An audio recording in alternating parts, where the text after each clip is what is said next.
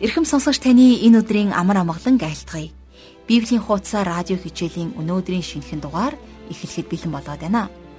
Хамтдаа өмнөх дугааруудаас Үйлс номыг хэрхэн үзэж эхлээд ариун сүнсний амлалт, замун тэр гайхамшигтай ажлын тухай бид сурсан. Харин өнөөдрийн хичээлээс Бурханаас ирсэн ариун сүнс бол Бурхны агуу хүч, түүний танд өгсөн тэр агуу бэлэг мөн гэдгийг мэдэж авах болно. Учир нь Лук хэмч Үйлс намын 2 дугаар бүлэгт ариун сүнс анхны итгэгчдийн дээр анх удаага хэрхэн буусан тухай тэрл түүхийг бидэнд бичиж тэмдэглэн үлдээсэн байдаг. Тэр үед анхны итгэгчид дээр ариун сүнс буухта Пентекост баярын өдөр хүч чадлаар буун ирсэн тухай тэмдэглэсэн байдаг. Энэ баяр бол Еврейн жилийн 2 дахь том баяраас гадна үр тарианы ургацын дээжээ бурханд өгөх ургацын баяр байсан юм. Энэ ч утгаараа ургацын баяр нь сүм чуулгануудын дунд дэлхий дээрх цор ганц итгэлийн ургацыг хураах эхлэлийг бэлэгддэг юм. Учир нь ариун сүнс Есүсийг дахин амьсны 50 дахь өдөр дэлхий дээр буун ирсэн юм. Тэгвэл ариун сүнс яагаад жоохон бидний амьдралд буух ёстой байдаг тухай та юу гэж бодож байна? Ингээд өнөөдрийн хичээлдээ үргэлжлүүлэн суралцахад та бэлэн үү? Тэгвэл энэ цагийг бурхан даатгаж хамтдаа залбирцгаая. Бурхан Аава би таньда баярлаж байна. Учир нь та хүчтэй, та агуу, ариун, цор ганц бурхан. Таны үгийг үг бүрчлэн судалж амьдралдаа хэрэгжүүлэх боломжийг өгч байгаад баярлалаа. Их эзэн минь ээ, та хүний болгоны зүрх сэтгэлд оршиж тэнд болж байгаа бүхий л нандин нууцуудыг бас зүрх сэтгэлийн гүний хүсэл, шаналл, аливаа зүйлийг та мэддэг үлээ. Тиймээс их эзэн минь бид таны үгийг сонсож судлахаасаа өмнө бид зүрх сэтгэлдэх аливаа зүйлсээ танд өргөж байна. Бидний дотор баяр хөөр байгаа бол эзэн минь ээ таныг алдаршуулахын тулд бид өргөж байна. Таны үгийг хэрэгүү тунгалаг сэтгэлээр бид амар амгалан дотор хүлээж авахын тулд бид танд гоныг харуулслаа өргөж байна. Эзэн минь та бидний зүрх сэтгэлийг амар амгалангаар удирдах та өөрийнхөө үгийг бидний дотор тов тодорхоогоор хэлж өөрийнхөө хаанчлалын төлөө биднийг ашиглаарай. Хичээлийн энэ цагийг бид танд өргөж Есүс Христийн нэрээр залбирanгуйж байна. Амен. Ингээд жаргал ах шиг хичээлд анхаарлаа хандуулъя.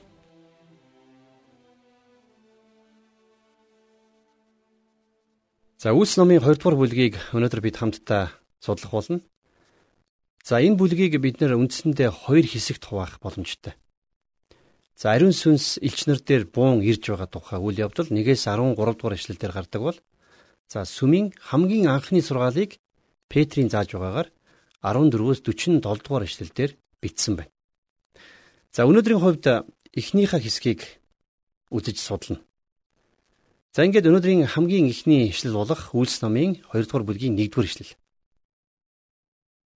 Пентекостийн өдөр болоход тэд цөмөөрөө нэг газар цугласан байлаа. За та санаж байна уу? Пентекост гэж яг ямар баяр байсан бэ? Тэгэхээр Пентекостийн өдөр болвол ургацын баяр буюу За бүх ургац мал төлийнхөө дээжийг бурханд өргөдөг өдрөөс хойш 50 өдөр өнгөрөхөд болдог баяр байсан. Хэрвээ та санаж байгаа бол Левит номон дээр бид нар ургацын баяр нь Есүс Христийн дахин амьлалтын тухай өгүүлдэгэ гэж ярилцж байсан тийм ээ. За энэ тухай Христ өөрөө анхны үр жимс гэж Паул 1-р Коринтын 15 дугаар бүлгийн 23 дугаар эшлэлдэр ингэж бичсэн байдаг. Христ бол анхны үр жимс юм. Дараа нь Христийн хүмүүс түүнийг эрхэд амьлуулагдана гэж. За бас дээгүр өнгөрөх буюу алгаслын баяр нь Есүс Христийн үхлийг төлөөлөг тухай. За 1-р Коринтын 5-р бүлгийн 7-р ишлэл дээрээс бид ингэж уншиж байна. Учир нь бидний дээгүр өнгөрөх баярын хураг болох Христ ч гэсэн тахил болсон юм а гэж. За энэ хоёр баяр Христийн дахин амьдлалд үхлийг төлөөлж байсны адилаар Пентекостийн баярч гэсэн нэгэн амлалтыг төлөөлж байдаг. За энэ бол анхны сүм төрсөн үйл явдал байсан. За ингээд Пентекостийн өдөр болоход хүмүүс эзэнд хоол ундааны өргөлийг өргөдөг байсан. За чухамхүү яг энэ баярын өдөр хоёр ширхэг эсгсэн талхыг эзний өмнө авчирдаг байсан тухай Левит номын 23 дугаар бүлэг дээр тодорхой бичиж үлдээсэн байна. Харин Үйлс номын 2 дугаар бүлгийн эхлэл нь сүмийн эхлэл. За сүмийн анхны гарал үүслийн тухай өгүүлж байна. Ариун сүнс энэ дэлхийгээс бурхных болох бүх хүмүүсийг дуудаж Христийн бие буюу сүм болгохоор энэ дэлхийд ирсэн байна. Пентекостийн өдөр ариун сүнс ирэхээс өмнө сүм гэж байгаагүй. Харин ариун сүнсийг эренгүүт сүм чуулган бий болсон. За өөрөөр хэлэх юм бол Христийн мэдлэх газар Бэтлехэм хот байсан болвол за ариун сүнсний энэ дэлхий дээр ирсэн газар нь Иерусалим хот байсан. За энэгээр зогсохгүй ариун сүнс хүний бие дотор орших болсон юм. Тэр итгэгчдэд баптизм хүртэж итгэгчдийг Христийн биеийн нэг хэсэг болгохоор ирсэн. За энэ тухай хамтдаа 1-р Коринтын 12-ын 13 дугаар ишлэлээс уншиж болно. За энэ ингэж бичсэн байгаа. Учир нь евдээчүүд эсвэл грекчүүд боолууд эсвэл эрх чөлөөт хүмүүст ялгаагүй бид бүгдээрээ нэг сүнсээр нэг бие рүү баптизм хүртсэн нэг сүнсийг уусан юм а гэж. Тэгэхээр ариун сүнс шууд Пентекостийн өдөр өөрийнхөө үйлчлэлийг хийж эхэлсэн гэсэн үг. За ингэж анхны чуулган үүсэн бий болсноор Бурхны авралын төлөвлөгөө энэ дэлхий дээр биелэлээ олж эхэлсэн. За тийм учраас энэ бол анхны сүм чуулганы төрсөн өдрийн баяр юм. Ингээд олон зуун жилийн турш Израильчуудын тэмдэглэж ирсэн Пентекостийн баяр анхны үр жимс болох Христ дахин амилж за түүний ариун сүнс ирснээр жинхэнэ утгаараа биелсэн гэсэн утгатай. За саяын бидний уншсан 2 дугаар бүлгийн 1 дугаар ишлэлдэр Пентекостийн өдөр болоход гэж бичсэн байгаа биз. Тэгэхээр энэ анх бичигдсэн хэл дээрээ Пентекостийн өдөр бүрэн гүйцэд болоход гэж бичигдсэн байгаа. За харин одоо дараагийн ишлэгийг уншия. 2 дугаар ишлэлдэр хүчит хуй салхимд чимээ тэнгэрээс гинэт гарч тэдний сууж байсан байр бүхэлдээ үүнд автжээ. За энэ дүрслэлээс нэгэн чухал зүйлийг харах ёстой. Ариун сүнс эрэхтэй хүний нүдэнд харагдахаар байдалтай ирээгүй. А гэвч тэр өөрийн оршихууга хоёр арга замаар таниулсан байна. Тэр нь хүний хоёр мэдрэхүй болох сонсох, харах мэдрэхүүгээр дамжин ирсэн гэсэн. Тэгэхээр тэнд байсан хүмүүс Тэнгэрээс ирэх дуу чимээг хүчит хуй салхи мэт сонссон байна. За тэгээд тэдний сууж байсан газрыг энэ дуу чимээ дүүргэсэн. За хуй салхи мэт гэж дүрсэлсэн ч гэсэн энэ дуу чимээ нь өөрөө салхи биш байсан гэдгийг анзаараарай. Харин салхи мэт дуу чимээ гэж хэлсэн байгаа. За тэгээд энэ салхи шиг дуу чимээ нь модны навчис хийсч байгаа юм шиг биш. Харин маш хүчтэй хуй салхины чимээ шиг байсан. За тиймээс энэ дуу Иерусалим даяар сонсогдсон байх магадлалтай. За бид нар Америкт эсвэл Японд янз бүрийн хуй салхи далайн шуурга болдог тухай мэдээгээр өнөөдөр олонтаа үзэж байгаа. Тэгэхээр хуу салхитай ойр байж үдсэн хүн хэдэн мянган галт тэрэг онгоц нэг зэрэг явж байгаа юм шиг чанга дуу чимээ гардаг юмаа гэж төсөөлөн бичсэн байдаг. Харин ийм агуу дуу чимээ зөвхөн Пентекостийн өдрөл гарсан байна. За 3 дугаар ишлэлийг үргэлжлүүлэн харцгаая. Тэгтэл галынх мэд хуваагдсан хилүүд бий болон хүн нэг бүр дээр буу. За энэ галынх мэд хилүүд байсан гэж бичсэн байна. Тэгэхээр гал өөрөө биш, гал мэд гэсэн байгаа биз. Тэгэхээр гал шиг хилүүд хүн бүрийн дээр буусаа гэсэн үг. За энэ дүрсэл бол хүний нүдэнд харагдахаар зүйл болсон. За тийм учраас Пентекостийн өдөр ариун сүнс бууж ирээд цугларсан олныг Христийн биеинд нэгтгэж баптизм хүртээх үед сонсох харах мэдрэхүүгээр дамжин ажилласан байна. А гэхдээ энэ баптизмыг Библиэлд гардаг өөр нэгэн баптизм буюу галан баптизмтай андуурч огтхонч болохгүй шүү. Учир нь яагаад вэ гэхээр галаар баптизм хүртээх нь хожим ирэх шүүлтийн тухай ярьж байгаа юм. За энэ тухай илчлэл номон дээр Бурхны уур хилэн Тэнгэрээс асгарч гал мэт буун ирж байгаа тухай гардгийг та лав санаж байгаа бах. За энэ бол галан баптизм. Хүмүүс ариун сүнсний баптизм хүртээгүй бол галаар баптизм хүртэж шүүгднэ гэсэн утгыг энд илэрхийлсэн байна.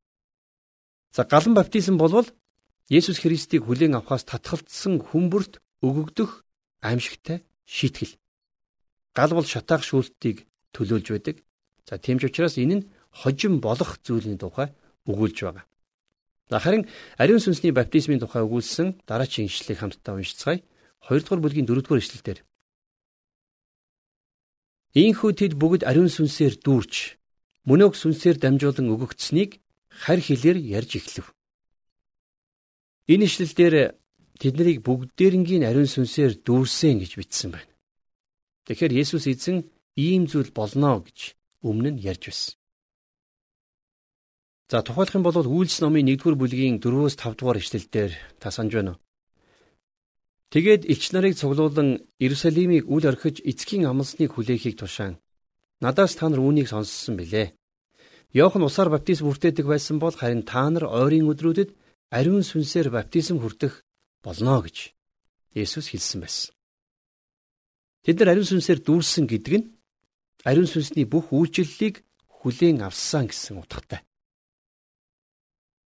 За нэгдүгürt тэд нар бүгдээрээ дахин төрсэн байсан. Энэ тухай Есүс Никодимд хэлж байсан тэрхүү үгийг бүгдээрээ хамтдаа эргэж харцгаая. Иохны 3:5 Есүс хэлэхдээ үннээр үннээр би чамд хэлье.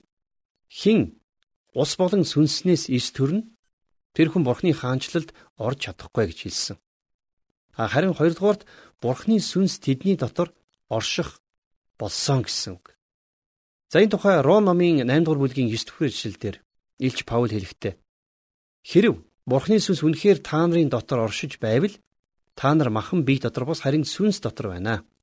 Хэрв хин нэгэнд Христийн сүнс байхгүй бол тэр түүнийх бишээ гэж хэлсэн. За 3 дугаарт нь биднийг ариун сүнсээр тамгалан Бурхантай мөнхийн харилцаатай болгосон. За энэ тухай Эфес номын 1-р бүлгийн 13-аас 14-р эшлэлдэр Илч Паул бичгтээ Түүний дотор та нарч бас үнний үгийг буюу та нарын авралын сайн мэдээг сонссны дараа мөн түүнд итгээд амлалтын ариун сүнсээр тамгалагдсан байв. Тэр нь Бурхны эзэмшлийн золилт хүртэл бидний өвийн батлан даагч болж түүний алдрыг магтуулахын тулд өгөгдсөн юмаа гэж. За бас дээрээс нь 4-р бүлгийн 30 дугаар ишлэлдэр Эфесийнхэнд бичгтээ. Бурхны ариун сүнсийг бүү гомдоо. Золилтын өдрийн төлөө та нар түүгээр тамгалуулсан билээ гэж Паул бичсэн байдаг.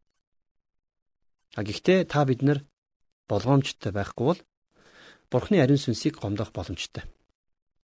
Харин гомдоосноор түүнээс салах боломжгүй.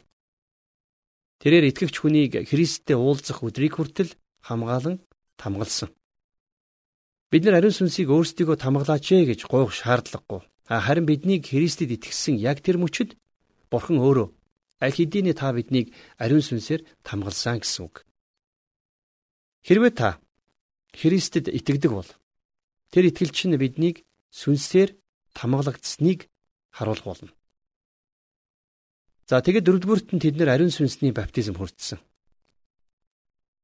Хожим эрих энхүү ариун сүнсний баптизмын тухай Иохан баптист хүртэл ярьж байсан. За Есүс ч гэсэн энэ тухай олонтаа ярьсан. За Үлс номын 1-р бүлгийн 5-р эшлэлдэр Есүс юу хэлсэн байдгүй гэхээр Иохан усаар баптизм хүртээдэг байсан бол харин та нар ойрын өдрүүдэд ариун сүнсээр баптизм хүртэх болно гэж дагалдагчдаа захин хэлж байсан. За тэгэхээр энэ баптизм бол тэднийг Христийн биеийн нэг хэсэг болгох ёстой байсан. За энэ бол яахын аргагүй сүмийн эхлэл. За энэ цагаас хойш эзэнд итгэсэн хүн болгон ариун сүнсний баптизмаар дамжуулаад Христийн биеийн нэг хэсэг болдог байсан. Тэгэхээр Пентекостийн өдөр ариун сүнс итгэгчдийг дүүргэх үед саяын тодорхойлсон дөрвөн үйлчлэл нэг дор хийгдсэн гэсэн үг. За нэгдүгээр тэд нар дахин төрсөн, хоёрдугаар тэд нар Бурхны сүнс тэдний дотор орших болсон гэдгийг мэдсэн. За гуравдугаарт нь тэд нар ариун сүнсээр тамгалагдсан. За тэгээд эцэст нь буюу дөрөвдүгээрт нь тэд нар ариун сүнсний баптизмыг хүртсэн.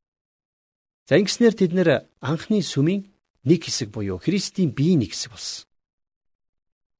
Тэгээд тэд нар бүгдээрээ ариун сүнсээр дүүрч гэж энд бичсэн байна.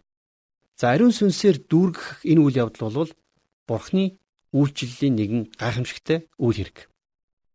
Пентекостийн өдөр болсон бүх үйл явдлууд ариун сүнсний баптизм биш, харин ариун сүнсний дүүргэлтээс болсон. Өнөөдөр ч гэсэн энэ зүйл хүчинтэй хിവэрэ байна. Ариун сүнсээр дүүрэх нь үйлчлэхийн тулд байдгиймаа гэдгийг би энд давтан хэлмээр байна. За миний түрүүнд ярьсан ариун сүнсний дөрвөн үйлчлэл биднийг Есүст итгэхэд нэг дор болдог. Харин бид нэр энэ талаар ямарваа нэгэн зүйлийг хийх ямар ч шаардлагагүй. А гэхдээ биднийг ариун сүнсээр дүүрэх тал дээр болвол ямарваа нэгэн юмыг хий гэж Библиэд хэлсэн байна. За өөрөөр хэлэх юм бол та биднийг ариун сүнсээр дүүр гэж тушаасан байдаг. За энэ тухай хамтдаа Эфес номын 5-ын 18-ыг харцгаая. Дарсанд бүс огтур. Ингэвэл дураараа дүргэх байдалд автагдана. Харин сүнсээр дүүрэн бай гэж Илж Паул бидэнд тушаасан. За Пентекостийн өдрөөс өмнө итгэгчид ариун сүнсээр дүүрхийг хүсэн хүлээж өөндөө цугларч залбирдаг байсан. Энэ тухай хамтдаа Үлс номын 1-р бүлгийн 14-р ишлэлийг эргэн харцгаая. Тэд нэг санаагаар байнга өөрсдийгөө залбирал зориулж байлаа гэж. Тэгэхээр мэдээж тэдний залбирал Есүс эзэн ариун сүнсийг илгээнэ гэсэн амлалтын төлөө залбирал байсан. Тэд нэр ариун сүнсээр дүүрснийхээ дараагаар харин дөрөвдүгээр эшлэлдэр сүнсээр дамжуулан өгөгдсөнийг харь хэлээр ярьж эхлэвэ гэж бичсэн байна. За энэ харь хэлүүд энэ харь хэлүүд нь тэдний мэддгүй хэлүүд байсан. За Ромын эзэнт гүрний үед евдээчүүд маш олон янзын хэлээр ярьдаг байсан л да. Тэгэхээр энэ цугларсан хүмүүс Иерусалимд баяр тэмдэглэхээр олон газраас ирсэн байсан. За бүх еврей ирчүүд Иерусалимд жилд 3 удаа баяр тэмдэглэхээр заавал ирдэг хууль байсныг таалав санаж байгаа. Энэ олон хүмүүсийн ихэнх нь еврей хэлээр ярьдгүй байсан байна. За энд бол гайх зүйл байхгүй. Яагаад үг гэхээр еврей хэл олон зууны турш устж эргэж сэрэгдэг байсан. За ингээд бодохоор зэрэг Пентекостийн тэр өдөр өнөөдөр дахин давтагдахгүй гэдгийг дахин хэлмээр байна. За өөрөөр хэлэх юм бол Есүсийг анх Бэтлехемд төрснийг дахин давтах боломжгүйтэй яг адилхан зүйл. Ариун сүнс Пентекостийн өдөр энд дэлхийд ирсэн. За тийм учраас түүнийг одоо ирээчээ гэж дахин гуйх шаардлагагүй болсон. Тэр аль хэдийнэ та бидний дунд оршин байгаа. За түүнээс гадна тэр ирснийхээ дараа юу хийх талаар Есүс бидэнд урьдчилан хэлсэн байгаа. За энэ тухай Иохны сайн мэдээ номны 16 дугаар бүлгийн 14 дугаар ишлэлдэр Есүс хэлэхдээ Тэр намайг алдаршуулна. Яагад гэвэл тэр минийхийг авч түүнийг та нарт мэдүүлнэ гэж хэлсэн байна. Тэгэхээр эндээс харах юм бол тэр Христийн тухай биднэрт харуулж ойлгуулах үед бид түүнийг байгаа гэдгийг мэддэг гэсэн үг. Харин бид нар Христийн тухай бусдад ярьж байх үед ариун сүнс эдгээр үгсээр дамжуулан ажиллаж хүмүүсийн зүрх сэтгэлд хүрч бас тэднийг ятгадаг юм. За 5 дугаар ишлэлийг хамтдаа харцгаая. 2 дугаар бүлгийн 5 дугаар ишлэл. Тэр цагт Тэнгэрийн доорх үндэстэн бүрээс сүсэгт евдээчүүд Иерусалимд амьдарч байжээ. За тэгэхээр тэд нар Пентекостийн баярыг тэмдэглэхийн тулд газар газраас ирсэн байсан. За 6 дугаар ишлэлдэр Энэхүү чимээнээр үе олон цугларч өөрсдийнх нь төрлөх хилээр тэдний ярихыг сонсоод ихэд гайхжээ. За хуй салхимд хүчтэй дуу чимээ гарсан учраас маш олон хүмүүс тэнд цугларсан. Энэ бол урд өмнө хизээж сонсогдож байгаагүй тийм сонин хачин дуу чимээ байсан. За тиймээс хүмүүс гүйлдээд ирцгэс. За магадгүй маш олон хүмүүсийн цугласан газар нь анхны 120 итгэгчдийн зогсож байсан тэр газар байсан баг. За энэ газрыг Үлс номын 1-р бүлгийн 15 дугаар ишлэлдэр дүрслэн бичсэн байдаг. За тэгээд юу болсон гэхлээр тэнд очисон хүмүүс үнэхээр маш ихээр алмааран гайхаж итгэгчид тэдний төрлөх хилээр ярьж байгаад тэд нэр бүр гайхаж орхисон.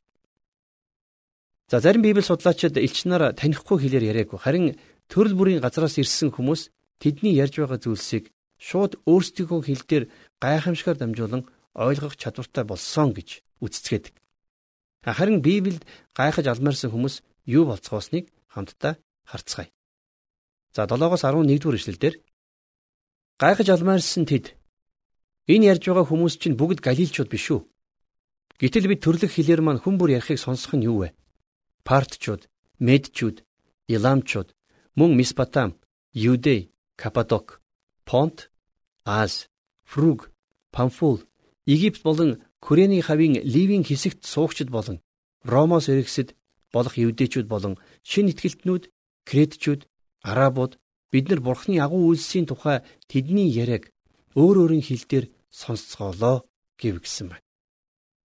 За эндээс харах юм бол энд залав 3 твээс ирсэн хүмүүс байна. За тийм учраас тэд нар маш олон төрлийн хэлээр ярьдаг байсан ойлгомжтой. Харин энэ хүмүүс Галил аймгийнхныг өөрсдийнх нь хэлээр ярьж байна гэж гайхаж байна. 12 дугаар эшлэлдэр тэд бүгд гайхшран алмаарсаар өөр хоорондоо энэ юу гэсэн үг вэ гэцгээв. За яг үнэндээ тэнд юу болоод байгааг тэд нэр сайн ойлгохгүй байсан. 13 дугаар эшлэлдэр тэд амтд дарсанд согтцоож дээ гэж зарим нь шоолов. За бүр ийм ч хүртэл хариулт гарч ирсэн байгаа биз тэднийг бүр согтуу байсан гэж бодсон байна. Тэгэхээр Илж Паулийн төрөнд дарсанд бүү согтуур харин ариун сүнсээр дүүр гэж хэлснийг та санаж байгаа бах. Согтуу хүн ер нь ердийнхөөс илүү хүчтэй мэд болдог. За ялангуяа илүү яриа болдог тийм ээ. За энэ шиг өнөөдөр бид нэр ариун сүнсээр дүүрж илүү сайн мэдээг яригч болох хэрэгтэй. Тэгэхээр Пентекостийн өдөр буюу ургацын баяр маш агуу гайхамшигттай өдөр байсан байна. Энэ өдөр ариун сүнс бууж ирээд За тэгээд итгэгчдээр сүмийг бий болгосон. Пентекостийн өдрөөс өмнө бол сүм байгаагүй. А энэ өдрөөс хойш сүм чуулган үүссэн. Тэгэхээр хуучин гэрээнд анхны үржимсийн баяраас 50 өдрийн дараагаар Пентекост баярыг тэмдэглэдэг байсны адилаар Есүс эзнийг дахин амьлснаас хойш 50 өдрийн дараагаар ариун сүнс итгэгчдийг өөртөө дуудахаар ийхүү дэлхийд ирсэн байна. Тэгэхээр Бурхны агуу гайхамшигтай үгийг бидэнд зааж тайлбарлаж хэлсэн жаргал агштаа баярлалаа. Ариун сүнс одоо ч биднэр дамжуулан гайхамшигтай ажлыг хийхийг хүсэж байна. Түүгээр өдөр бүр дүүрнэ гэдэг Бурхны хүчээр дүүрнэ гэсэн үг. Энэ хүч чадал бидэнд түүний тухай гэрчлэх хүчийг үргэлж өгч байдаг гэдгийг та мэдв үү? Тэр биднийг боломж бүрийг ашиглаж түүнтэй хамтран ажиллаасаа гэж хүсэж байдаг. Ингэж чадвал ариун сүнс биднээр дамжуулан тэрл бурхны авралыг хараахан итгэж амжаагүй байгаа хүмүүст хүргэх боломжтой болно. Хүчээр биш, хүч чадлаар биш, миний сүнсээр гэж бурхан Хосea номонд бичиж хэлсэн байдгийг та санаж байгаах. Ариун сүнсээр хөтлөн дагуулж өөрийн амьдралдаа болон бусдад бурхныг гэрчилж амьдрцгаая. Ингээд энэ хүрээд өнөөдрийн хичээл маань өндөрлөж байна. Харин та түүний үгээр урамшиж бусдад та урам зоригийн үгийг хэлэхэд ямагт бэлэн байгаарай. Хичээлийн төгсгөлд хамтдаа залбирцгаая. Бидний зөвхөн үнэн рүү зөв шудраг байдал руу хөтлөн дагуулдаг Бурхан Аав минь таньда талархаж байна. Бид өөрсдөө энэ дэлхийг өөрчлөх хүч чадал, мэрэгэн ухааныг гаргаж чадахгүй. Бид тиймээс сул дорой, өчүүхэн буурай хүмүүс. Харин та биднийг доройч гэсэн та биднийг гим нүгэлтэйч гэсэн та сонгоо авч та үрчилж өөрийнхөө хүүхэд болгосон. Их эзэн минь таньда талархаж байна. Аава, бид өнөөдрийн хичээлээр дамжуулан таны алдрын төлөө хэрэглэх тэрл нандин үгийг хүлээж авсан байгаа. Тиймээс их эзэн минь ээ бидний зүрх сэтгэлийг та дуулууртай даруй байлгаж алдрынхаа төлөө хоёргүй сэтгэлээр тэмцэх тэрл урам зориг чигч шудраг байдлаар дүүргэж өгөөрэй. Их эзэн минь бидний амь амьдрал, бидний оюун бодол, бидний зүрх сэтгэл гарын үйлсээр дамжуулж зөвхөн таны нэр алдарших болтугай. Эзэн Есүс Христийн нэрээр бүхнийг даатхан залбирanгуйлаа. Амен.